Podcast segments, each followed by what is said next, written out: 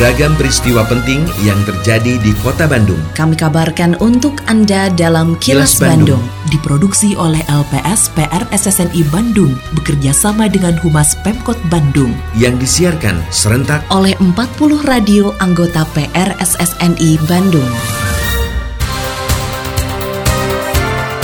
Sejumlah informasi aktual kami hadirkan untuk Anda dan inilah informasi utamanya. Sektor usaha jasa salon kecantikan dan arena permainan anak diperbolehkan beroperasi. Warga kota Bandung diajak tanam sayuran di pekarangan rumah. Polisi tangkap pencuri kotak amal masjid. Saya, Santika Sari Sumantri, inilah kilas Bandung selengkapnya. Pemerintah Kota Bandung akan memperluas sejumlah sektor usaha yang mendapat kelonggaran atau relaksasi di masa pandemi COVID-19. Namun penindakan pelanggar protokol kesehatan juga akan dipertegas. Beberapa sektor tersebut di antaranya usaha jasa salon kecantikan dan arena permainan anak-anak yang diperbolehkan beroperasi dengan protokol kesehatan sangat ketat. Sedangkan jam operasional pusat kebugaran dari semula buka pukul 8 pagi akan dimajukan menjadi pukul 6 pagi. Hal tersebut disampaikan Ketua Satgas Penanganan COVID-19 Kota Bandung, Emma Sumarna, usai evaluasi rapat terbatas evaluasi PPKM dan penanganan COVID-19 di Kota Bandung pada Jumat kemarin. Emma menuturkan bagi pengusaha jasa salon kecantikan dan arena permainan anak yang ingin mulai beroperasi bisa kembali mengajukan izin kepada Satgas Penanganan COVID-19 Kota Bandung. Reporter Evi Damayanti melaporkan, menurut Emma, pihaknya juga mulai mengizinkan kegiatan seni dan budaya seperti pertunjukan seni, tapi hanya untuk di ruangan tertutup dan kapasitas maksimal 30 persen. Pasti mengajukan lah. Dari dari pelaku usahanya baru oleh kita akan diizinkan. Dan itu masuk di dalam perwalnya nanti. Bahwa nge-gym lebih cepat ya. Seperti kemarin lah seperti apa itu? Stasiun motor listrik gitu kan? Kita berikan mulai dari jam 6 pagi. Kalau di outdoor pasang panggung rame dangdutan bukan itu. Misalnya di gedung nih gedungnya tetap kapasitas 30 persen. Narangtona jarang rauh gitu. Bayangan nama. Wayang golek tapi kasubuh mah jika nama awara lah kita. Akibat pandemi COVID-19, jumlah pengangguran di kota Bandung meningkat dari 105 ribu orang menjadi 147.081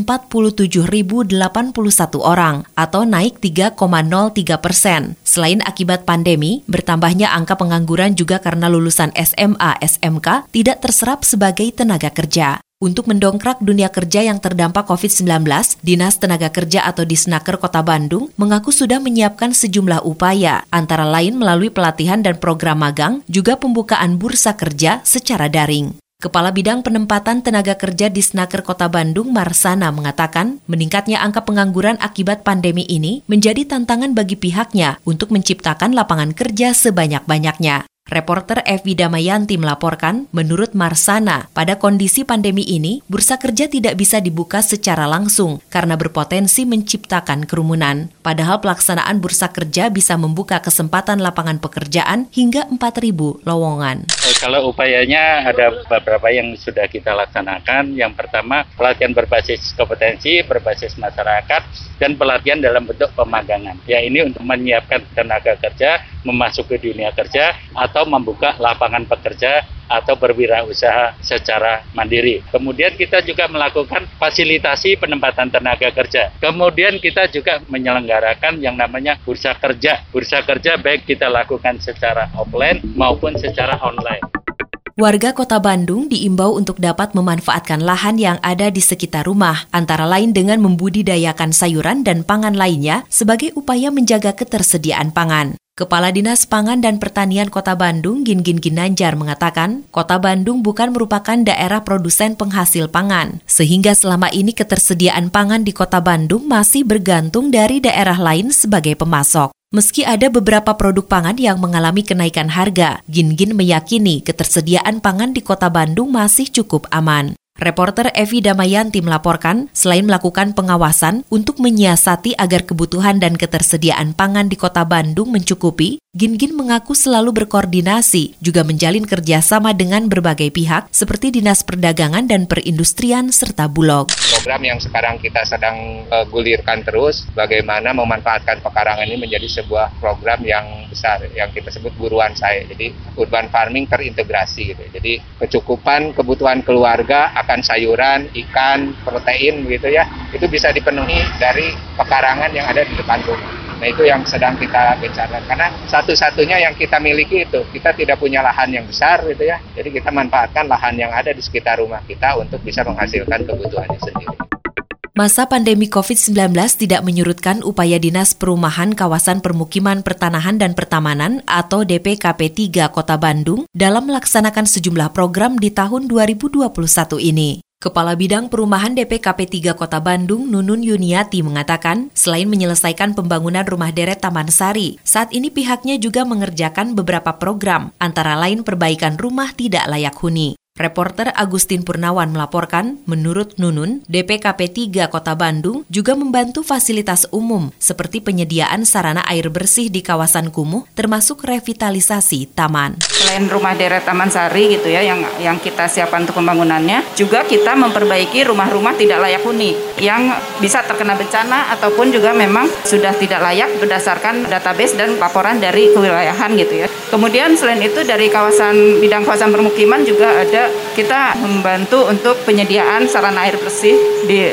kawasan kumuh ya penyediaan septic tank komunal seperti itu terus drainase lingkungan PJL Ribuan prajurit Kodam 3 Siliwangi secara bertahap akan menerima suntikan vaksinasi COVID-19 produksi Sinovac. Sebagai tahap awal, vaksinasi akan dilakukan terhadap para anggota Babinsa juga prajurit yang memiliki interaksi serta mobilitas tinggi, sehingga rentan tertular dan menularkan virus corona. Pangdam 3 Siliwangi, Mayor Jenderal TNI Nugroho Budi Wiryanto mengatakan, selain tim medis yang telah menerima vaksinasi, seluruh prajurit Kodam 3 Siliwangi, mulai dari satuan tempur hingga kewilayahan, bakal menerima vaksinasi. Pemberian vaksin dilakukan karena TNI merupakan garda terdepan dalam upaya penanganan pandemi COVID-19. Reporter Yudi Dirgantara melaporkan, Pangdam meminta kepada seluruh prajuritnya untuk tetap disiplin melaksanakan protokol kesehatan meski telah mendapatkan suntikan vaksinasi. Pesan saya tetap menjaga protokol kesehatan, walaupun sudah divaksin,